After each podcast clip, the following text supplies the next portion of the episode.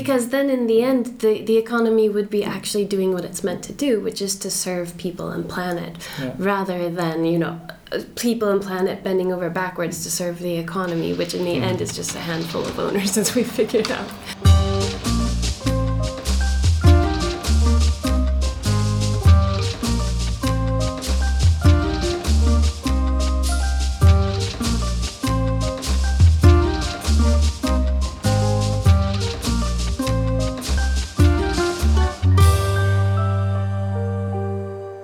You're listening to episode number 28 of Tillväxtparadigmet, the growth paradigm. A podcast about our economic system, the global crisis, the drivers of economic growth, and about a transition to a true sustainable society. My name is Hannes Anagrius, and the podcast is my project to increase knowledge about our economic system and how it can transform to a sustainable one. The project has also a website, tillväxtparadigmet.se, and a Patreon if you would like to donate through patreon.com. I'm doing this in cooperation with the Swedish network Steg 3. The aim of the network is to bring up a serious discussion about the problems of eternal economic growth in a limited world. And we want to see a prosperous society that is not dependent on economic growth to function properly and generate welfare. And maybe you noticed that I'm speaking another language than I used to do. I did this episode in English because the guest of this episode was more comfortable with speaking English.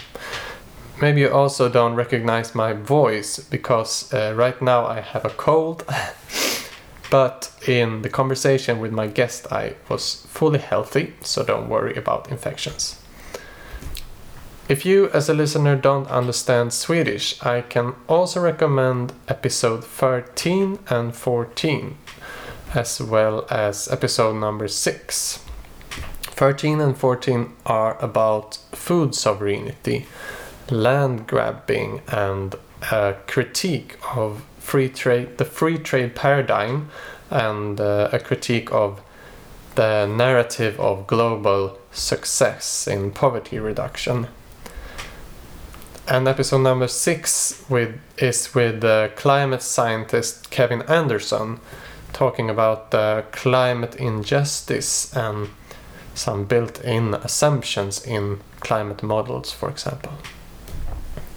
But the guest of this episode is Jennifer Hinton, and we were talking about the role of profit in the economy today and in a sustainable economy. Jennifer Hinton is a system researcher and just recently finished her PhD at Stockholm Resilience Center.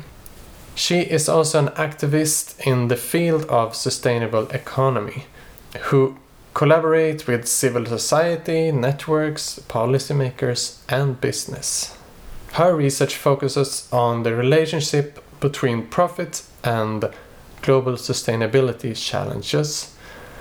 A very interesting topic, I would say, and a bit besides the ordinary themes at Stockholm Resilience Center, I would say, from my experience of doing my master there.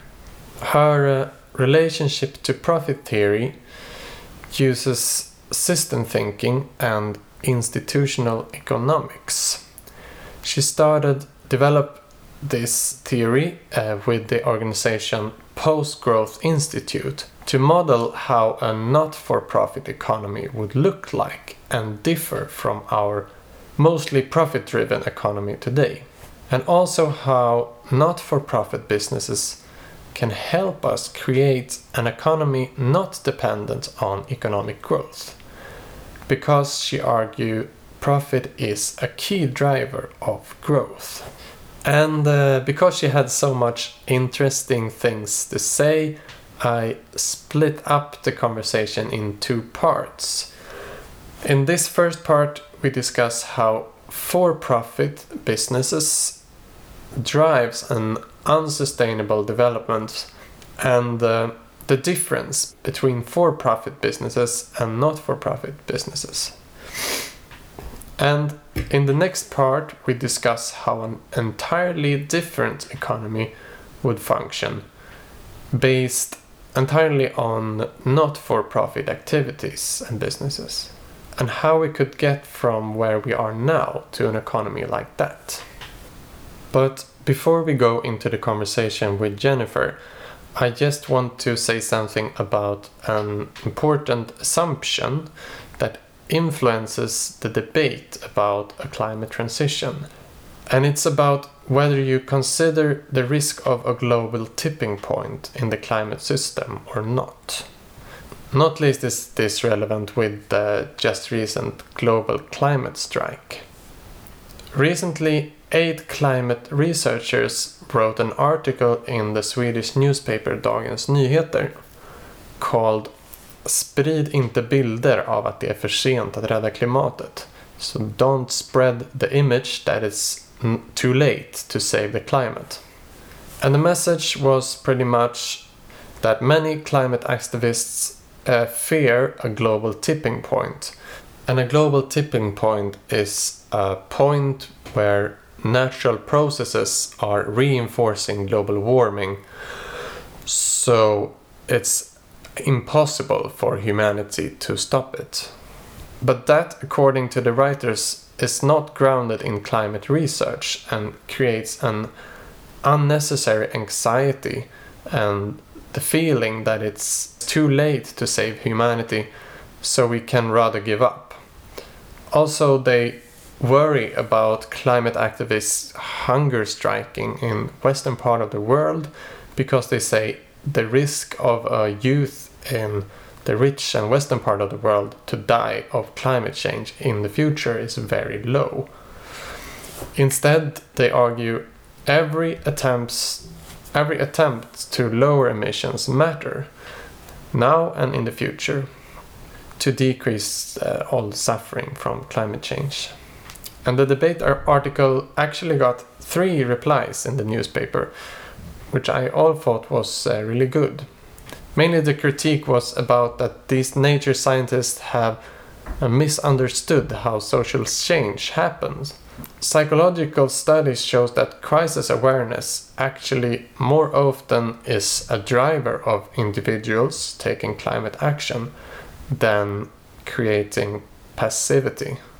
The critique was also about, and I agree with that, that it's strange to direct the worriedness towards anxiety of youth activists in the West rather than towards um, people dying right now in the climate crisis. But I want to focus on the assumption of a global tipping point in the climate system because it seems that the conclusions on how fast we have to combat emissions depends very much on if you think you should consider a global tipping point or not. And is it really true that if there exists a global tipping point, nothing we can do matter anymore? The researchers in the original article uh, refers to a section in the IPCC report where they write that there is no evidence of a cascading effects or synchronized tipping points. Although they conclude that there are many regional tipping points that can reinforce the climate crisis. For example, the collapse of the Arctic or Greenland ice sheets, the collapse of the Amazon rainforest into a savanna, or the permafrost melting and releasing methane, for example. In the same time, some studies points towards a risk of a global cascading effect of many tipping points triggering each other. And instead of going into the debate of whether a global tipping point exists or not, I want to talk about risk. Science works like this we can't say that something exists until we have strong evidence. And in the same IPCC report, they point out that there are still big knowledge gaps around tipping points and cascading effects. But if there is the slightest risk of a point when we can't stop global warming to continue, and transform the world to a place where civilization collapses or large parts of the world are inhabitable, isn't that risk, even if we cannot prove it, worth considering? And because we don't know when that potential tipping point occur, there is still all reasons to fight climate crisis. And even, and even if we are very unlucky and already have crossed that tipping point, we can probably still delay the collapse and decrease suffering by rapidly lowering emissions. I'm also a little bit wondering why we need evidence of this particular kind of tipping point. Is there such a big difference between what they call a global tipping point and many regional tipping points? Of course, everything that happens on the planet that releases even more greenhouse gases reinforce global warming, like human induced emissions or large firestorms in the Amazon or methane release in the tundra. That's why we in pa- the Paris Agreement agreed to 1.5 as a goal and 2 degrees as a limit. And if there is a certain degree of global warming when multiple tipping points kick in in the, the same time, that would feel like an unstoppable global tipping point anyway, I guess. In the science magazine Scientific American, they discuss around this. Tim Lenton, an expert on tipping points, says this is a fine distinction. Are we looking at multiple systems tipping as one, or just a coincidental amalgam of unconnected systems falling off a ledge at similar time points? There also seemed to be a requirement that a global tipping point have to be abrupt, like a domino. But Lenton says most tipping points are smooth out. He says even Arctic sea ice sh- shows a smooth response as it rolls past the point of no return. Once you have passed a certain point, it takes only little additional forcing to lose all the sea ice. So, my whole point is better safe than sorry.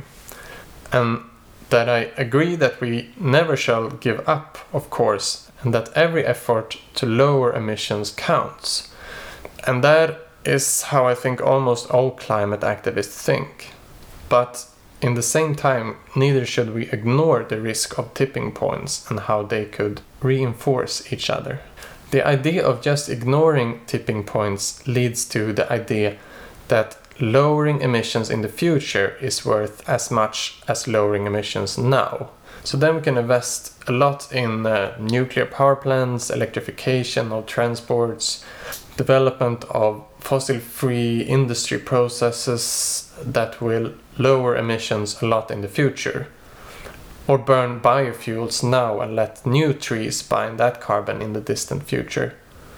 And invest in more sustainable techniques for the future is crucial, I agree.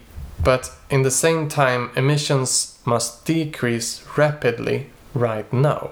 Otherwise, they will accumulate in the atmosphere and risk to start tipping points.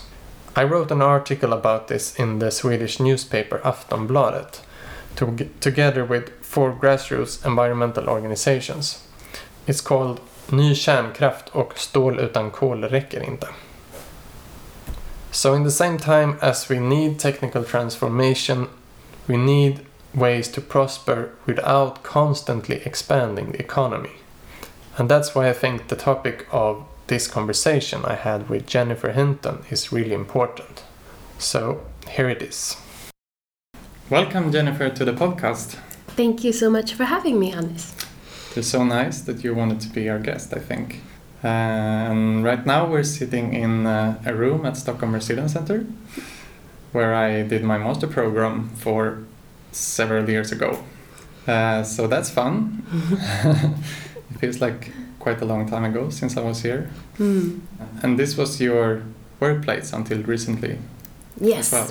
Yeah, exactly. Yeah. And I think your research is very much kind of up my alleys or what I I'm interested in. Um, and previously in the podcast, we have talked about the ecological crisis and our economic system and that, that kind of dysfunctional financial system, Mm. And uh, about uh, sustainable transition. So, but we haven't talked so much about uh, businesses or companies and profit. Mhm. So I think I think that is kind of crucial if we want an economy that is uh, not dependent on growth, uh, and also like an economy that is that it ca- can be healthy to satisfy our needs and enable us to flourish without crossing the planetary boundaries. Mm.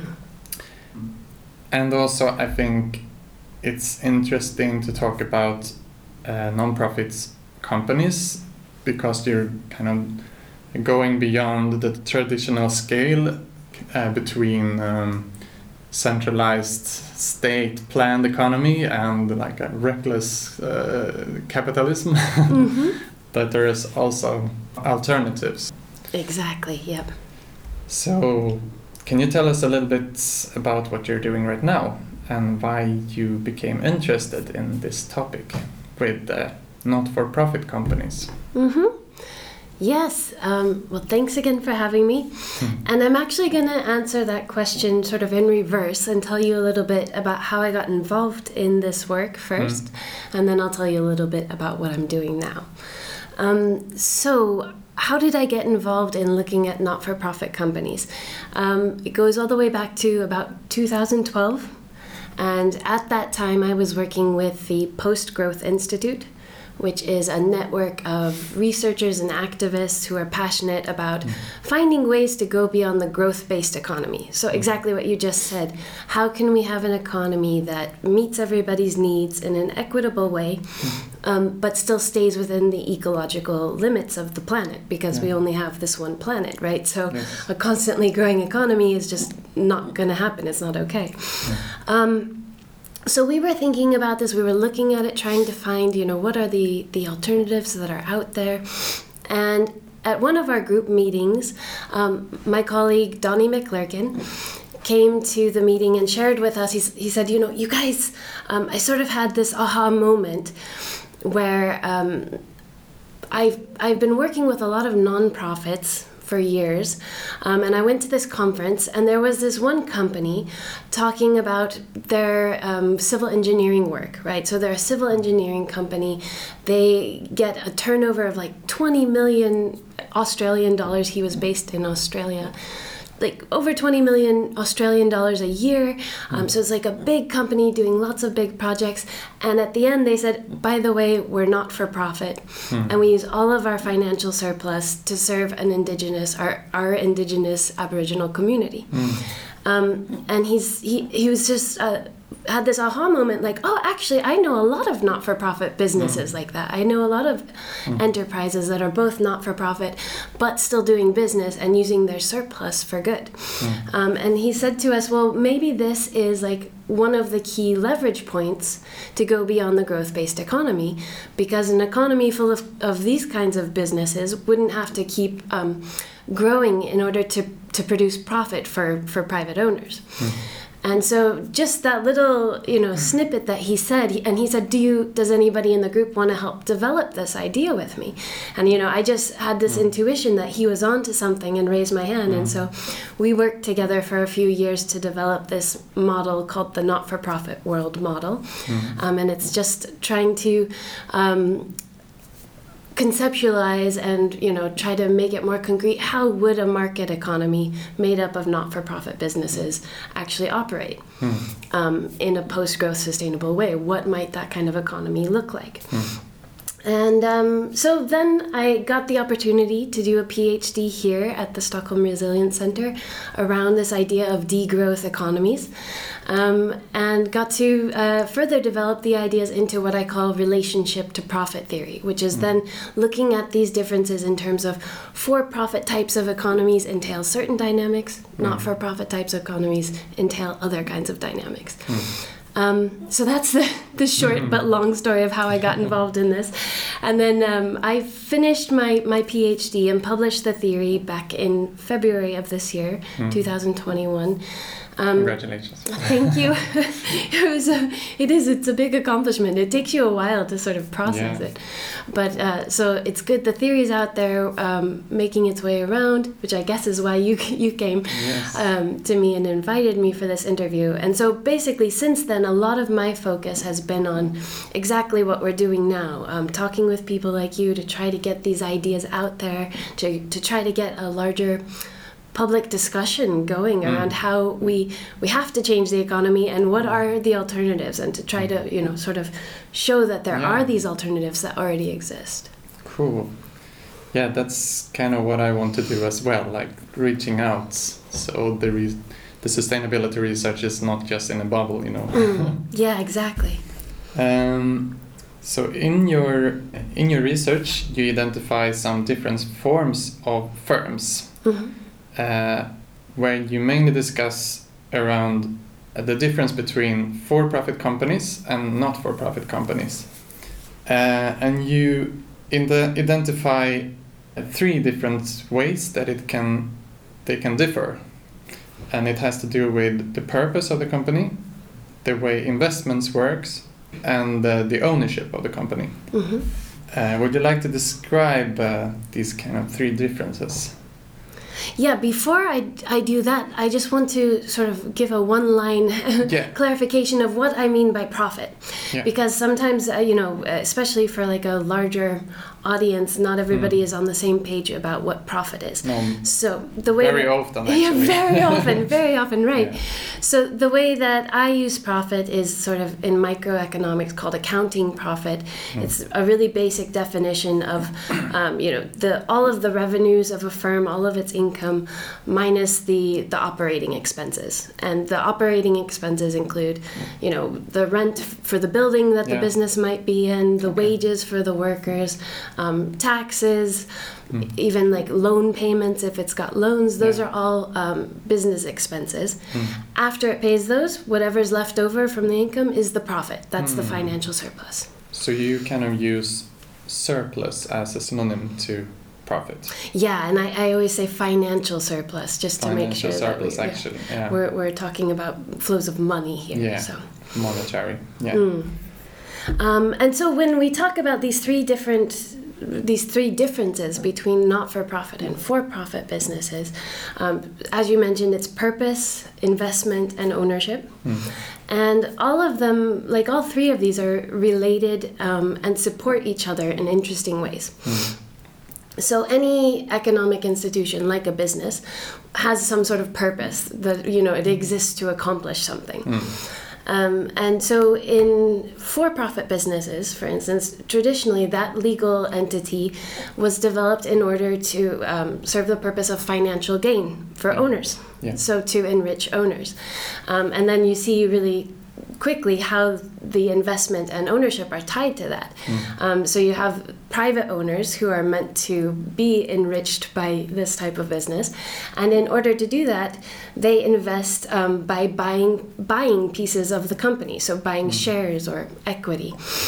And so through that uh, equity-based investment, they can sort of expect to get as much profit or as much dividends from the profit as they can. That's that's sort of the idea is financial gain, right? So the Yeah. business operates, it pursues profit, it um, it gets a surplus at the end of the year, and then it can distribute some of that surplus or all of it if it wants Mm. as dividends to the owners because they own shares, and Yeah. that's the form of investment.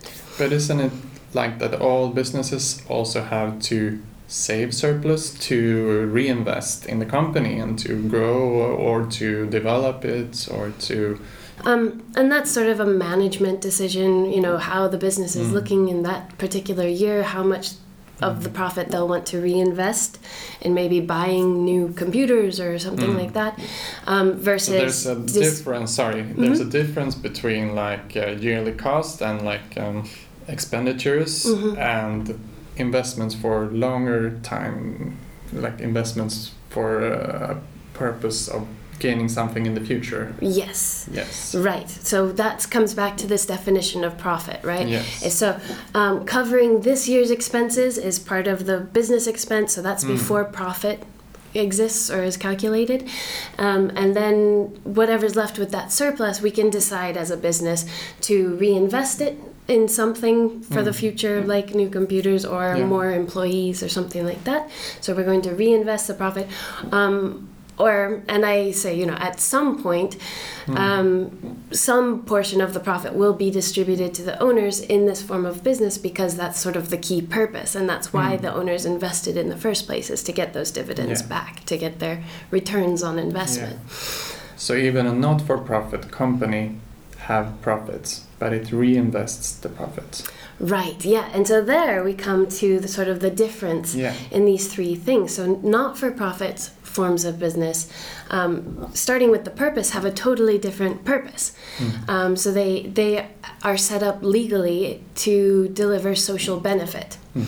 and that's defined by uh, the government wherever you are but it's usually a fairly typical thing you know it provides um, services to people who, who don't have access to services Mm. or it can be about the environment but there's a Mm. you know broad range of social benefit missions but it has to deliver social benefit it cannot be um, set up to deliver financial gain Mm. and so of course that that relates to the ownership structure there are no uh, private financial rights there's no private uh, financial ownership of not-for-profit businesses. There's no nobody can receive the profit at the end of the Oh. year. Um, and so as such there's also no shares or equity in Mm. not-for-profit businesses. So the investment in not-for-profit businesses comes mostly through donations or debt. So like loans Mm, like yeah. you know sort of more traditional ways of raising capital. Go to the bank Mm. get a loan.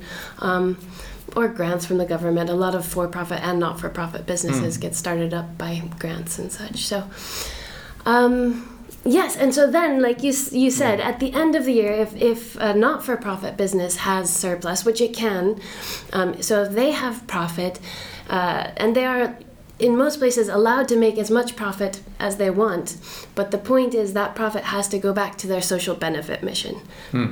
that it cannot be privately distributed Mm. or if it if it does that it's illegal so there's this Yeah, legal limitation that makes sure that all of the resources are used for social benefit rather than private enrichment Hmm. So all these three categories of purpose and investments and ownership, it, it they are connected. you know? yeah yeah they're interlocked and they sort of work together yeah Hmm. Speaking of investments, like a, a for-profit company can it can it has like a broader spectrum of investments. It can have it can take loans from a bank. Uh, and it can have equity-based, like uh, shares Mm. in the stock market, and it can uh, have donations as well.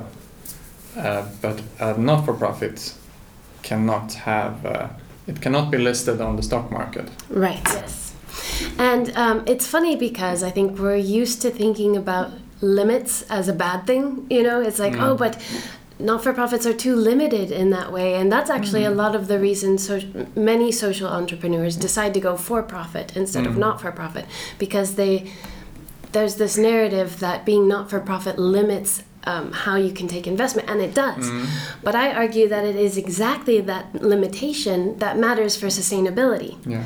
because it is exactly that limitation that makes sure that the business doesn't get geared towards Mhm. making a, f- a handful of owners rich Mm. like the rest of the economy is doing right now right Yeah, so we're coming into that, Mm. like uh, why there is a big difference.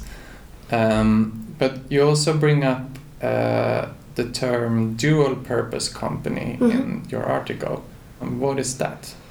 yeah so a dual purpose is um, so earlier i gave this really simplified uh, explanation of a Mm. for-profit business as just having the purpose of social benefit Hmm. or sorry of just having financial gain Yeah, yeah. um, and so but of course for-profit businesses can also have like social benefit purpose yes. uh, and we see this with um, some new social enterprise legal entities that are actually legally for profit, but they have incorporated a social benefit purpose, Mm. like a legally binding social benefit purpose. Um, so, like the Benefit Corporation in the U.S. Is, is so it's a new legal entity for businesses, like a legal framework that businesses can use, um, and it's for profit. So there can be private owners who take the dividends at the end of the year, but at the same time, there's a legally binding social benefit mission. So it's like trying to balance. If you've heard this Yeah. phrase, people, planet, profit. Yeah. So it's mu- very much up to the managers to decide like should we in this situation prioritize profit or should we prioritize our social goals? Yeah, exactly. I mean, so that's the interesting thing for me about the dual purpose is it almost this people, planet, profit thing almost implies that there's no trade-offs. And you you just alluded to one of the trade-offs, right? I mean, sometimes it, it can be a win-win, I guess, uh, but a lot of times there is a trade-off. There, there, yeah, exactly. There are often if you if you're a business and you only have so much profit at the end of the year, so much surplus, which every business does only have so much surplus at the Yeah. end of the year, even if it's a lot. Um, then if you distribute that to private owners, then you can't use that part No. that you distributed to put into social benefit. So there's there's a clear trade-off there, just as in um, the more that you pay workers in wages, the less profit you'll have to distribute to owners or do whatever.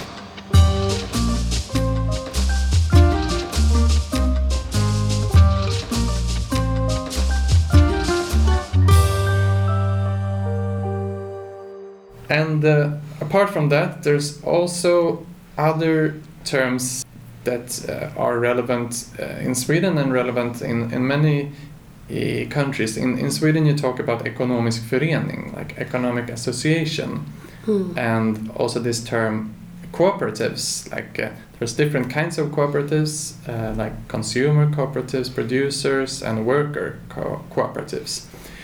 Uh, can you describe the difference between like a not for profit uh, company and a cooperative? Because many times you might think there are like that cooperatives are not for profit, or what do you say? what yeah, you say? no, it's it's funny because cooperatives are one of these things that almost um, is in a gray zone, Hmm. and as such, I mean, you get a lot. I've encountered a lot of different ideas. Like some people think all cooperatives are not for profit.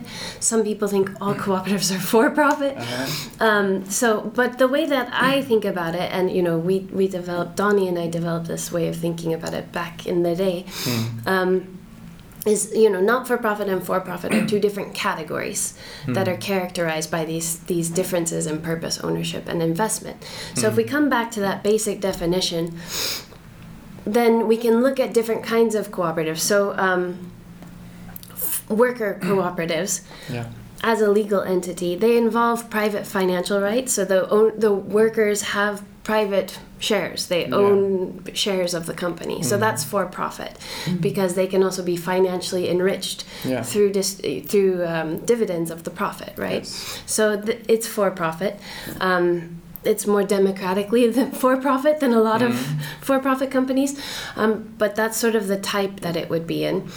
Uh, and then consumer cooperatives, we argue, are sort of like a not for profit type of, of uh, cooperative because, you know, as a consumer member, and so these categories, maybe it's worth mentioning, come down to who the members of the cooperative are, right? Yeah. So the so it's about work- ownership more. Right. Yeah. and and with worker cooperatives, the workers are the member owners. Yeah. Um, co- consumer cooperatives, the consumers are the member owners, and Mm. then that sounds quite for profit if I say member Mm. owners. But as a consumer cooperative member, for Mm. instance, if I am, which I am, then I um, will receive some portion of the profit back at the end of the year, probably, but it will never be more than I've spent into the company. So it's not enriching me, it's actually just giving me a bit of a refund back because they were able to lower their costs somehow. Hmm. Um, so that, that we argue is not for profit. And then it's very similar to a salary if you're i mean if you're working in the company and you're an owner it, it doesn't really matter if you get your profit or you get your salary Yeah, Yeah, and so the, and so this is the interesting thing with worker cooperatives because there are, and I'm sure you've encountered it a lot in your explorations of Mm. alternative e- economy thinking, right, Mm. and practice. Mm. Is there is a strong movement for worker cooperatives, and I um, think it's great. Mm. so I'm I'm not trying to say that's No, a, a bad thing. Um, here's the thing though. So lots of not-for-profits uh, can be worker directed so the control aspect of ownership can still be there for the workers right Mm. it can be a worker controlled worker directed not-for-profit company Mm. but it's the financial aspect of ownership Mm. that goes away and i think that's the that's actually the the dangerous part of for-profit ownership Mm. is it's not i mean there there are some issues with control but most of it is not financial ownership Mm. where um, you, you know people are getting enriched by the profit and then Yeah. there's like the profit motive Mm. that that gets in there Yeah. and so if you have a, a not-for-profit company or any company where the workers are getting um, a fair salary or fair wages which they should be in any Mm. sustainable economy Mm. then they don't need Yeah. the extra profit right Mm. so um, that's Yeah. the idea I mean, um, in in a cooperative, every member has one vote, so it's more demo- democratically in that way. Um, but also, you can, if you have a surplus, I mean, you can decide democratically how you want to reinvest it. I mean, you could take out the, the profit for yourself, or you could maybe shortening your work week if you want to, and then you can do a lot, a lot of other stuff that might not be possible in uh, for traditional for for profit company, yes right? Yes, and that's where I think there's definitely a spectrum in these types, right? Not Mm. all for profit companies are the same. Mm. And I think worker cooperatives are like right there on the line of Yeah. almost being not for profit. So they're like the, the best kind of for profit company. Yeah. You know, and then on the far end of the worst kind it would be like these huge transnational shareholder companies where you have anonymous Mm. Yeah. uh, shareholder companies. Because uh, maybe some people think like, oh, okay, so you have collective ownership. Should everybody be part of this? Every decisions it should like. It sounds very hard, you know. Mm. But still, in in both cooperatives and in non-profit companies, you have you can if there's a like a large uh, large company, you can have uh, managers, CEOs, and uh, a board uh, and those things, right? Mm, yeah. But a difference is that they are elected, Yes. and and that is the case in all not-for-profit companies, or like they are elected by the members, or is that more the cooperative uh, spectrum? Yeah, I think that might be more of a cooperative thing. I can't actually say how boards are elected in No. not for profits like across No. countries because I think that it really differs from country to country. Yeah. And in some countries, you might not even be required to have a board for a not for profit Mm. company. Okay. So I'm not sure I, I can say so much Mm. about the type there. I see. So it's more about what you're doing with surplus or the profit. Yes, and so that's the that's the point is because there's a legally binding social benefit mission that whoever is in charge of making those decisions is accountable, Mm. legally accountable for making sure the resources go to that social benefit mission. Okay. Um, and so that that and then of course it can be structured. The decision making and governance can be Mm. structured all the way from worker directed to like you said, if it's a really big one, it can be like CEO, CEO Yeah. top down sort of. Mm. There are examples of that for sure. Okay. Could a municipality or a publicly owned company be a not-for-profit company? Yeah, so that's also interesting. If we come back to that definition in the beginning about social benefit purpose, no private financial rights, Mm. um, and no equity based shares, then uh, yeah, municipality and publicly owned companies fit right in there. Mm. So I do consider them not for profit companies.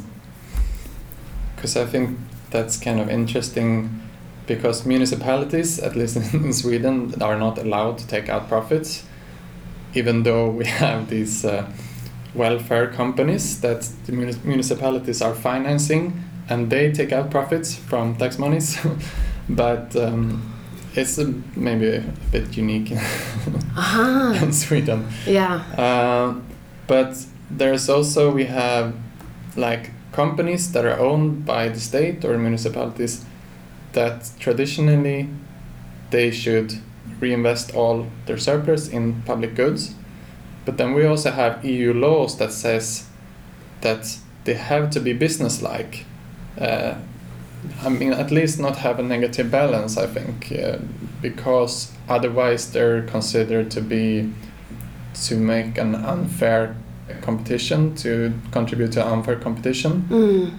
I mean, for example, we have also state-owned SJ, which uh, runs most of the trains in Sweden.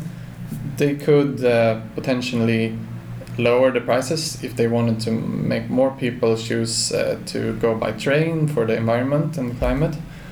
Uh, and we have like Allmännyttan, public housing companies, that could lower the rents. If I think it's quite strange that they now uh, take out profits to finance other stuff in municipalities like childcare or something, um, which is not the original idea. No, and I mean we can still say that's Well- socially useful, right? we can absolutely, but like, but it- it's yeah. more like they're taking it from the renters instead of the whole community. But yeah, Yeah. but but now they're more run like uh, a for-profit company, and I don't know really if it has to do with EU laws or it has it has to do with a mindset. Mm. Um, what what do you think of that? Yeah, no, I think it's a big problem, and I think that it has to do with both. I think EU law is is like that because of the mindset, right? It's all of these economic institutions and the way that we structure the economy is based on a set of beliefs and a set of norms and, and Mm. ideas, right? Um, and so with capitalist norms and, and beliefs, then we end up with a for-profit company, um, and and then yeah, it's unfair competition Yeah. for for not-for-profit companies. I also I've read that this same argument is happening in Canada and the U.S. and the U.K. Um, and there are even I mean there are some lobbyists trying to get not-for-profit companies out of the market altogether okay. um, because they see them as a threat. And so, um, but of course, then if we say, okay, the, the for profit economy is fundamentally unsustainable, um, and we actually want to transition to a, a not for profit type of economy, then I think we can start to change those policies and rules to, you know, right now, so many national and, and uh, regional level and, yeah, EU level policies are, are you know favoring and promoting for-profit types of business over not-for-profits Yeah. and not-for-profits are actually at a significant disadvantage in a Mm. lot of places because of these policies and because of the underlying Mm. mindset Cool. Um, we can talk about yes. more about that later. yeah yeah Yeah. So a little bit just uh, about investments. Also, I think I heard this line somewhere. Uh, like, if you're a for-profit company, it's usually the capital owners that hire workers to uh, attain more capital. Mm. But instead, in a cooperative or in a non-profit, uh, not-for-profit company, the workers are kind of instead hiring capital. So by, for example, lending from a, from uh, the capital owners. Is that a, a good de- description of a difference in the way you invest?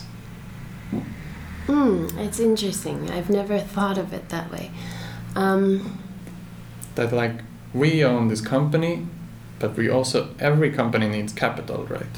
So where should we get it from? Yes. So so in the for-profit, like you said, the the capital owners invest in labor or in workers to get more capital out, and in not-for-profits and cooperatives, you have.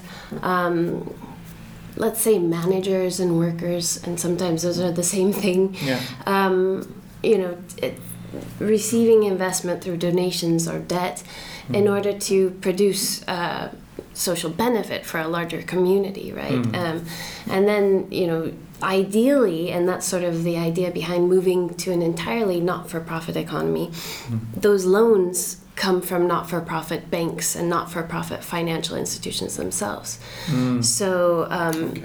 so then you know, because as long as we have a for-profit banking system, Mm. we're going to have Yeah. problems, big problems.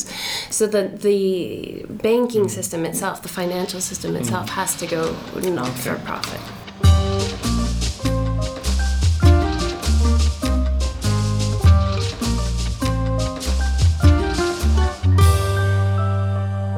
So, if we're going more into um, the sustainability side of it, um, many economists or and decision makers they see uh, environmental and and also so- social problems as market failures they call it or externalities in this idea of the perfect market model, which they say of course it's not perfect, Mm. but you in this article and your research you argue more that uh, these environmental problems and social problems are inherited in the for-profit economy right?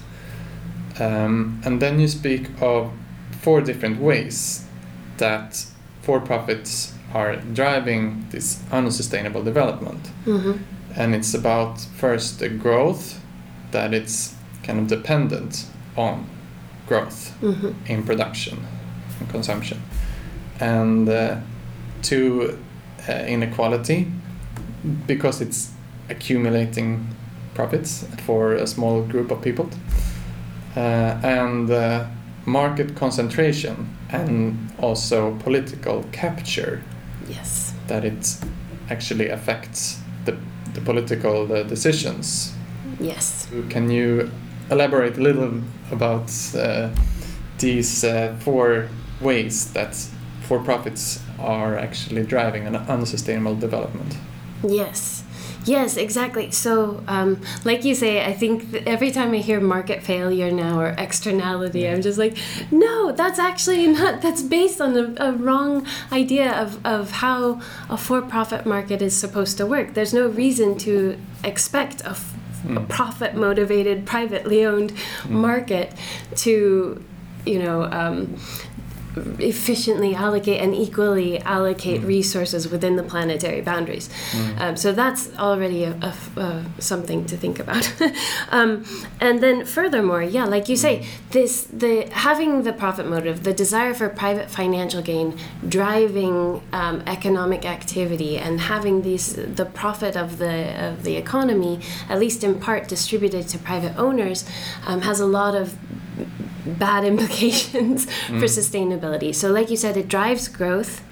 It, I would say that it both drives uh, constant economic growth because the more that companies can sell, the more profit they make, and the more profit they make, the more they can distribute to their owners, which is sort of this embedded purpose, like I mentioned. So there's this So do drive. they have to? Mm. They also have to grow. So they they don't necessarily have to, but there's this inherent incentive to that if you're going to try to keep uh, delivering higher and higher returns, Mm. um, and so again it comes back to this underlying narrative Yeah. um, in some part, and then you bring in though the competition element. Mm. Um, and y- once the you have a market in which companies are competing for, Yes. for profit, then there becomes more of an imperative to grow. Mm. Because if you don't grow, then you might just get out competed or bought out, or you know, there's all these um, sort of hostile takeovers. Yeah. Um, and you have um, advantages by just being large. Yes. And cut a lot of costs. You know. big advantages, Mm. right? And so, and it's um, as systems thinkers would say, it's success to successful uh, dynamics. So the Mm. more successful you become, the more successful you can become because you have the resources to do so. Mm. Yeah. And so, um, And many maybe would say that is a good thing. You know, the successful wins. You know, Yeah. successful are equal to good. Yeah. So then you come back to the underlying narratives, and I Yeah. think there is sort of like a, a strong. Um, streak of social darwinism that underpins Yeah. this whole system and that you know it's survival of the fit- fittest Yeah. dog eat do- eats dog and so Mm. if you got eaten then that was sort of your fault for being weak or Yeah. small or whatever But actually, evolution is a lot also about cooperation. You know? indeed And indeed uh, symbiose, Yeah, symbiosis. symbiosis. Mm. You know, yeah. Yeah, exactly. And so these are like really um, not only outdated narratives Mm. about human nature and all of the, Mm. the rest of it, but also inaccurate. Now that we Yeah. have more data about how ecosystems work and about Yeah. how people work, um, and there's just so much evidence against these underlying beliefs and Yeah. narratives. So I think that's that actually is a, a piece of hope for us to grab onto is Mhm. that these myths are being dismantled Yeah. by you know research and by experience. Mm. Um, yeah, and so this yeah, but it is so this this uh, competition for profit is justified by those narratives, and it leads to yeah both a, an imperative to grow. Mm. Um, but also market concentration, like another Mm. one of those effects that you Mm. listed, wherein the larger a company gets, um, the the better it can do, and then it starts to merge with other companies. We've seen these Mm. mega mergers um, between pharmaceutical companies and chemical companies, and you know, in all sectors of the economy. And Um, sometimes it looks like there are a, a great variety of companies, but then you, when you look at the owners, it's Yes. kind of the same Yes, owners it is really incredible um, how ownership gets concentrated, and through Mm. you know uh, shell companies. I mean, there's all of these different Mm. like holding companies and Mm. and uh, different layers to the ownership that it's often hard, even Mm. if you're trying to find out who the owners are and where this wealth and power is concentrated. Yeah. It's hard to actually find it because Mm. they've uh, covered their tracks pretty well. But it is very very Yeah. concentrated at this point, and that's highly Yeah. problematic.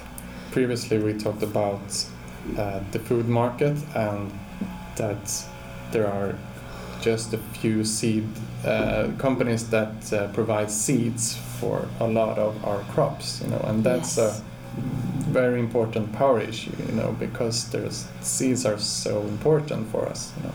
Yes. Mm. And if you look at like Vandana Shiva's work and Yes. looking at the seeds and looking at the um, role that Monsanto has played in, Mm. in India and the seed sovereignty movement Yes. that pushes back again. I mean, all of that is related Mm. to, and so and if you look at it, you see these same dynamics of growth, inequality, market concentration, and political capture. Mm. Um, and the environmental damage that comes with all of this, Mm. right? In every sector of, of Mm. the economy. So it's really everywhere. So would you say in the long term that for-profit companies actually destroys functioning markets? Or yeah, it depends on how you define functioning market. Yeah, yeah, yeah, yeah. yeah, This ideal of capitalism, right, to Mm. have a really diverse and vibrant market in which Mm. lots of different actors are competing, and that's supposed to balance the power, right? Mm. That's supposed to keep this concentration from happening is competition, and you have like the complexity of consumers choosing the best prices and workers choosing the best salaries, and all of Mm. this stuff is supposed to Mm. to keep it in check. At the end of the day, if you if you look a little bit deeper and you look at how the power is concentrated already Mm. from the beginning through the financial ownership of Mm. for-profit companies, and that they have this built-in incentive to um, just keep getting more and more wealthy, Mm. which again is justified by the underlying narratives of capitalism because Yeah. success is defined as having a lot of money. If you look Yeah. at like Yeah. the Forbes billionaire list, those are often considered the most successful people in the Mm, world, mm. even though they're just the richest. Yeah. so Yeah, I mean, but also that kind of the idea of the market is to have diversity, uh, to provide a lot of different goods and services. Mm, But if you have market concentration, you have less diversity. yes. Yes, exactly. You get less diversity, and then you know we're at the Stockholm Resilience Center, and Mm. that's a key. You know, diversity is a key ingredient for resilience. So the Yeah. system becomes actually quite fragile Mm. when things get concentrated and homogenized in the way that they have now. Yeah. I hope they stop that noise. Uh, I the think they were blowing the leaves or something yeah, outside. yeah. Hmm. Okay, so you mentioned uh, growth and and market concentration. What about inequality? How can for-profit companies, how do they um, enforce inequality? Would you say?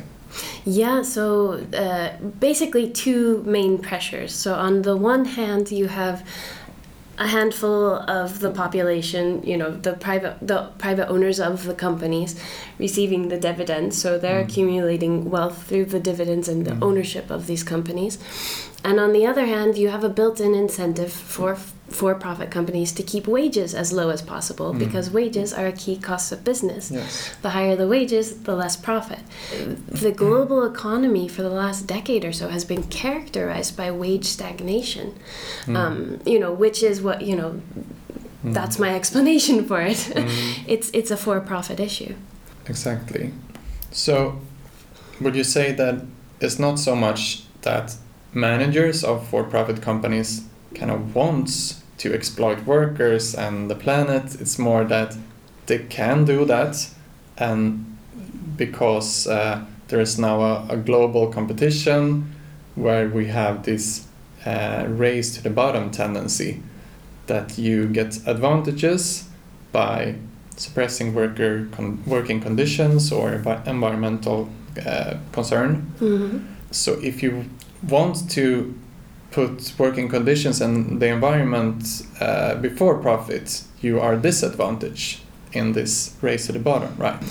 Yes, and, and so there are those market dynamics, um, and and it is a power structure issue Mm. where the owners of the company are putting pressure on you to give them returns at the end of the year Mm. and you know they have sort of power over you as Yeah. a manager they can just hire another manager if they don't like the way that you're not delivering profit to them Mm. because my analysis is really at the level of structure and i don't i Mm. think it's a, a ridiculous explanation to think that it's just a bunch of bad people making Yeah, yeah. bad decisions Yeah. that's like way too big of a coincidence to, to Mhm. End up in these patterns Mm. so it's more that yet these owners and managers also feel like social pressure from our shared Mm. narratives and beliefs that this is what a rational person does. They Mm. try to get as much return on their investment as possible. Mm. A rational manager tries to get as much profit as possible. So there's like this um, softer structure of Mm-hmm. you know what is rationality, what is success. Hmm. Yeah, so instead of talking about market failures, uh, would you say that suppressing wages or the environment is what actually creates the surplus that turns into profit? Yes. Yes. yes. So there's like this first paper. My my thesis has four papers in it. Um, that's how they write theses nowadays. And the first paper is really looking at that, like where does profit come from? Hmm. And that you know, it's not it's complex, but it's not that complex. There's only a f- you know a limited amount of sources of profit, and often profit is derived directly from the exploitation of workers and the exploitation of the environment. Hmm. And that also explains why there's such a um, a resistance to like environmental taxes and Yeah. environmental regulations that would try Mm. to prevent that exploitation, uh, because that's actually where the profit's coming from. So if you try to prevent the exploitation, then they're going to have less profit. Exactly. I mean, of course, you need a good idea of a product, and you have to have innovators and all that all that stuff. You Mm. can have a very good product that is needed in the in the. I mean, in many times at least, Mm. it's it's uh, fulfills needs in in the society, but as you said, to make profits, you have to uh, gain more than you put in. But, Yes, and there are different ways. So you could do it in a non-exploitative way. For instance, you see this in charity shops. So a lot of not-for-profit businesses mm, um, get a profit from their consumers actually just being willing to pay extra because they know the profit's gonna go to some good, like maybe helping homeless people or Mm. maybe helping the environment there in this certain Mm. forest or something. So it's like, yeah, as a consumer, I'm gonna pay a little bit extra because I know that the profit's going to something good. So you can get profit in mm, in you know socially or ethically acceptable ways. mm, Um, but a lot of profit, like we both have laptops in front of us, mm, and you know where did the profit come from in that supply chain? I mean, we've got probably conflict minerals mm. in in our laptops. We've probably got people getting underpaid who put the laptops together and did you know. So there's Mm.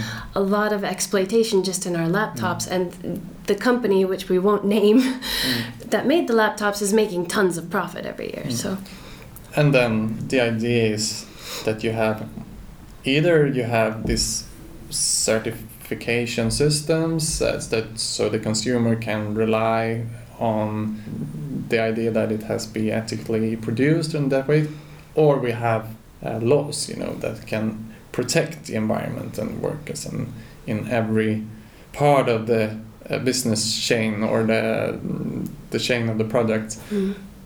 But then again, if you would really protect the environment at all levels, maybe you don't have any profit in the end, right? Yeah, maybe they don't have any profit, and maybe this laptop that I've got would be like 10 times more expensive Hmm. if the workers who were putting it together were actually paid properly. Yes. If the environment was being taken care of all along the supply chain and it was being made in a way that it could be repaired easily Mm. instead of having to be um, shipped off as e waste Mm. to Nigeria or something, you know. So all of At the that stuff. same mm. time, there are lots of for-profit companies in this chain and middlemen, you know, that takes out profits in every step. So Yeah. you could potentially lower costs as well if you make the chain shorter, kind of. Yes, yes, and and uh, like you said, a lot of that profit will go away, and that's okay, Mm. because then in the end, the the economy would be actually doing what it's meant to do, which is to serve people and planet, Yeah. rather than you know people and planet bending over backwards to serve the economy, which in the Mm. end is just a handful of owners, as we figured out. Yeah. So Okay, so there's one aspect that we haven't talked about, and is political capture. Would you describe a little bit about that? yeah, and that actually relates a lot to what we were just talking about, where Yeah. where where does profit come from and then you know if, if it's coming from exploitation and the exploitation um, is what we're trying to stop with our taxes and regulations Mm. uh, then the companies have an inherent incentive to fight Yeah. you know environmental regulations Mm. um, regulations that will protect workers um, taxes uh, that would maybe redistribute the wealth in society or taxes that would protect the environment all of those sorts of things are going to they're inherently at odds with the financial gain purpose of the for-profit companies Mm. um, and especially with this added pressure of having to compete against other companies for Mm. profit um, then you know there's just this in, inherent incentive to um, influence policy making Mm. in a way that is you know allows them to maintain their profits Yeah. and their power in the market and so that's basically built into this Yeah. whole economy is there's this incentive and so we see it they um, they lobby against taxes and uh, and regulations. They lobby for subsidies, like the fossil fuel industry and the, f- Mm. the food industry, like you said, Mm. is highly subsidized. Um, and the biggest players in those markets are the ones that get most of the subsidies. The smaller players don't Yeah. usually qualify for Yeah. subsidies, um, and and that's not a you know that's part of their influence. Yeah. The same thing with uh, management of the corona crisis. You know how you dealt with that from a state point of view, Mm-hmm. and all the crisis financing. And when you look at how much money go went to the large companies, and you compare that to the small companies, you know you can see some kind of um, pattern. yeah, yeah, which again is not a coincidence, right? It's No. not that the policymakers were just sort of randomly choosing these things. They were Mm. being influenced. They were being Yeah. taken out to lunch by. They were receiving, you know, maybe campaign funding Mm. and other favors from these large, powerful for-profit players. Mm. And again, in the for-profit economy, with this underlying capitalist ideology, that's actually the rational thing for these Mm. for-profit companies to do, because they're set up to earn a profit, and that's what they're doing. They're Yeah. influencing policy to do that. So it's And- hard to argue against it Yeah, and they might see it as a normal investment as well, a political investment. So you invest in lobbying politicians, and then you get something out of it later on. You know, Absolutely, and that's why we have like hundreds lobbyists per politician in the EU, for example. And there is also some interesting research that has like um, calculated the returns on investment that certain companies have gotten, Mm. um, or certain industry associations have gotten for their investment in lobbying, Yeah. you know, in influencing policy and lobbying the, the Mm. politicians in their favor. And so they're actually, and they do, they, you know, they budget for it in their Yeah. accounting. So it's an investment they make Yeah. and they get a return, like you said. And many times it's also hidden because they invested in like some other organization that invests in a think tank that um, you know spreads uh, fake news yeah, i mean we have these all ideas that come from actually comes from the fossil fuel industry you know with the climate deniers and everything Yeah, and, and big tobacco even big before tobacco, them, yeah. yeah. And there we end the first part of the conversation. I will, as soon as I can, release the next part about how an entirely different economy would function based on not for profit businesses and activities, and how we could enable that transition. So, look out for that episode and follow Tillväxtparadigmet on Facebook and Instagram and check out the website tillväxtparadigmet.se which is in Swedish and please support the project which is entirely voluntarily on patreon.com where you search for tillväxtparadigmet. Thank you and bye bye.